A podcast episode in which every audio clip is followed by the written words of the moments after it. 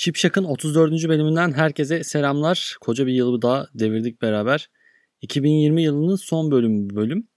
Bu yıl bitmeden bir bölüm daha yapacağım demiştim bir önceki bölümde. Birazcık karıştırmıştım da tabii. Ve çok güzel bir bölümle geldim kulaklarınıza şimdi.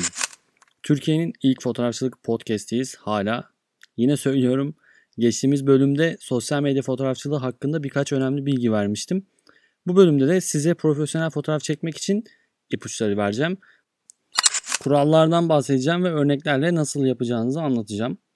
Daha önce hiç pratik yapmadıysanız, yeni yeni öğrenmeye başladıysanız ya da tamamen profesyonel fotoğrafçıysanız çoğu zaman atladığınız birkaç teknikle ya da kuralla diyebiliriz biz buna. Siz de profesyonel fotoğraflar çekebilirsiniz. Nasıl daha iyi fotoğraf çekilir? Hangi kuralları her defasında uygulamalıyım diyorsanız şimdi size çok güzel ipuçları vereceğim. İlk kuralımızla başlayalım hemen. İlk kuralımız 1 bölü 3 kuralı. Nedir bu 1 bölü 3 kuralı? Şimdi makinenizin vizöründen baktığınızı hayal edin. Optik ya da elektronik vizör olması fark etmez. Çekim yapacağınız alanı vizörünüzden görün yeter. Konu ya da obje neyse yani bu fark etmez. Öncelikle kadrajda görünen görüntüyü 9 eşit parçaya bölün. 3 kare üstte, 3 kare ortada ve 3 kare altta olacak şekilde. Aynı şekilde soldan sağa doğru da 9 eşit parçaya bölünmüş olacak vizörünüz. Şimdi bu karelerin kesiştiği noktalara objenizi yerleştirin. Özellikle sol ya da sağ tarafa objeyi yerleştirmek fotoğrafa daha fazla derinlik ve anlam katacaktır. Zaten fotoğraf makinenizin ayarlarından vizör görünümünü değiştirebileceğiniz ayarlarınız vardır. Burada e, vizörü ızgara görünümüne ayarlarsanız ben özellikle 9 kare seçiyorum. Siz de e, dediğim bu 9 kare bölümünü yani vizörü kareye böldüğünüzde direkt görebilirsiniz. Yani siz de 1 bölü 3 kuralını her fotoğraf çekiminde uygulayabilirsiniz. Buradaki en önemli şey çekimini yapacağınız objeleri, kişileri ya da herhangi bir şeyi bu çizgilerin üzerine doğru bir şekilde yerleştirmektir. Yani doğru yerleştirdiğinizde özellikle dediğim gibi yine sola veya da sağa gerçekten güzel ve etkili kompozisyonlar oluşturabilirsiniz. 1 bölü 3 kuralını anladıysanız eğer yine vizörde gördüğümüz bu çizgileri kılavuz çizgileri olarak da kullanabiliriz. Yalnız kılavuz çizgileri dedim. Kılavuz çizgileri olarak kullanabilirsiniz.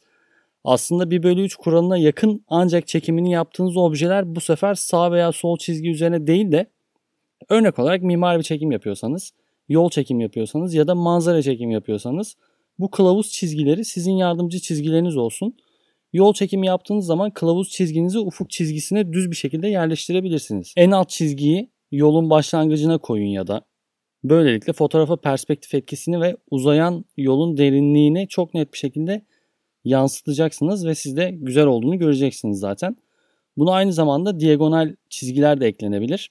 Aslında diagonal çizgiler dönen yollar ve kıvrılan nehir yolları olabilir. Bu fotoğrafa hareketlilik ve dinamiklik katar. Diagonal çizgilerin en önemli özelliklerinden birisi e, direkt perspektifler vermek yerine perspektifi yamultmak ve bükmek gibi bir şey diye adlandırılabilir. Yani e, son perspektif bükücü olabilirsiniz. Bence güzel bir etki veriyor diagonal çizgiler fotoğrafa. E, bir de çerçeve kuralımız var. Bu kuralı duydunuz mu bilmiyorum. Bunun için kapı, pencere, oyuk veya iki taş arası gibi doğal çerçeveleri kullanabilirsiniz. Mesela bir pencereden uzaklaşan bir kadını veya bir adamı çekebilirsiniz. Kompozisyondan gittikçe uzaklaşan bir kişi bu çerçevenin içerisinden fotoğraflandığında yine fotoğrafa derin anlamlar katabilir. Belki de bir köprünün bacaklarını çerçeve olarak kadrajınızın kenarlarına da yerleştirebilirsiniz.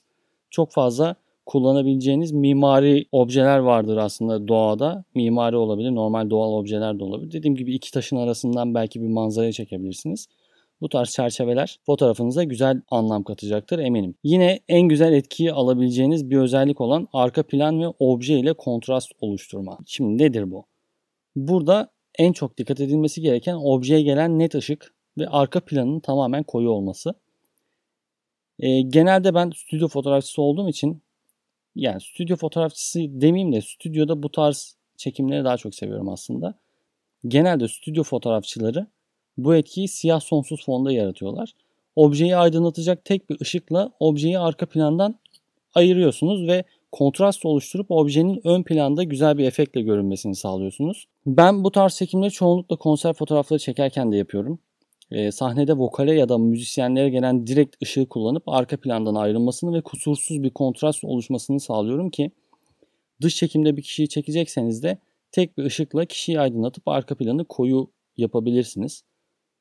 Bir önceki bölümde e, bilmiyorum hatırlar mısınız? Steve McCurry'nin Afgan Girl fotoğrafı ile Net Geo gibi dünyaca ünlü kapaklarda işte Time dergisinde kapaklarında yer aldığını söylemiştim. Bu fotoğrafta size vereceğim bir tane ipucu var. Hatta bu fotoğrafta size vereceğim iki ipucu var. Öyle söyleyeyim. İki tane ipucumuz var. Buradaki en önemli özelliklerden ilkini söyleyeceğim şimdi. Steve McCurry kadrajı dolu dolu kullanmıştır.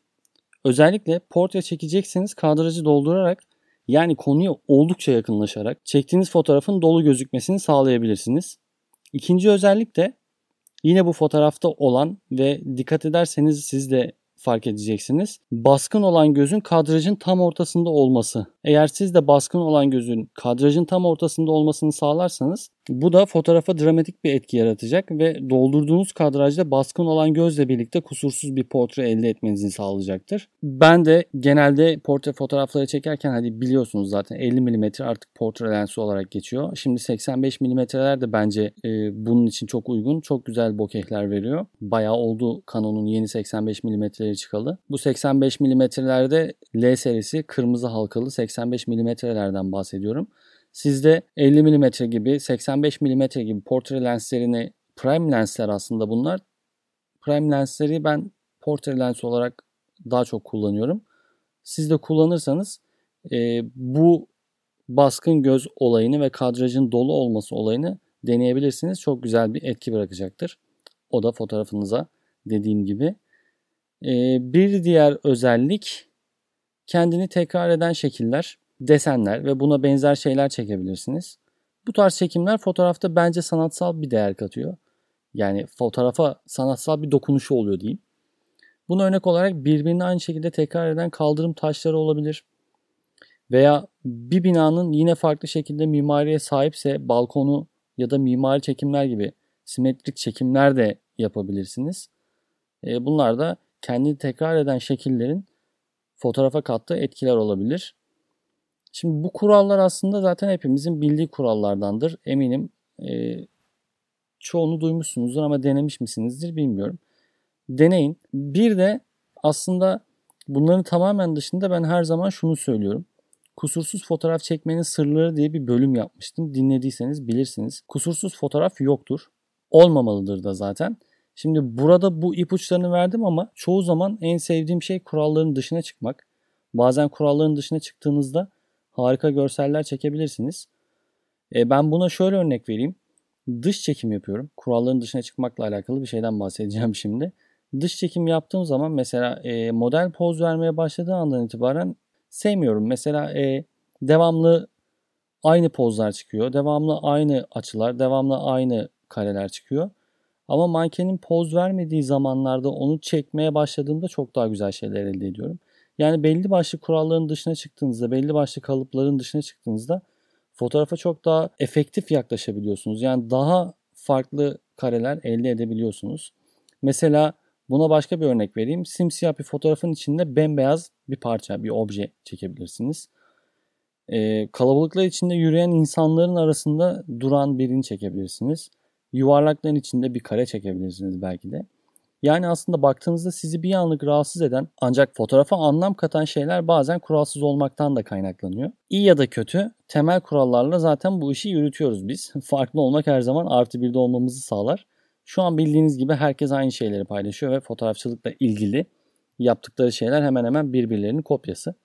Aynı olmaktan kaçınıp farklılık yaratmak, üretmek kurallı ya da kuralsız fark etmez en önemli şeylerden biridir fotoğrafta bence. E, ipuçları yıl başında belki güzel fotoğraflar çekmenizi sağlayabilir. Bu yıl biterken yıl içerisinde beni dinleyen binlerce insana size çok teşekkür ediyorum. 2021'de de fotoğrafçılıkla ilgili bilinmesi gereken her şeyi bu programda bulabileceksiniz. Beni takipte kalın. Herkesin 2021'de de ışığı bol olsun. Işığınız hiç sönmesin. Bu haftalık bu kadar diyorum.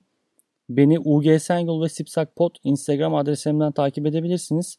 Soru ve öneri için de sipsakpot.gmail.com adresini kullanabilirsiniz. Bay bay.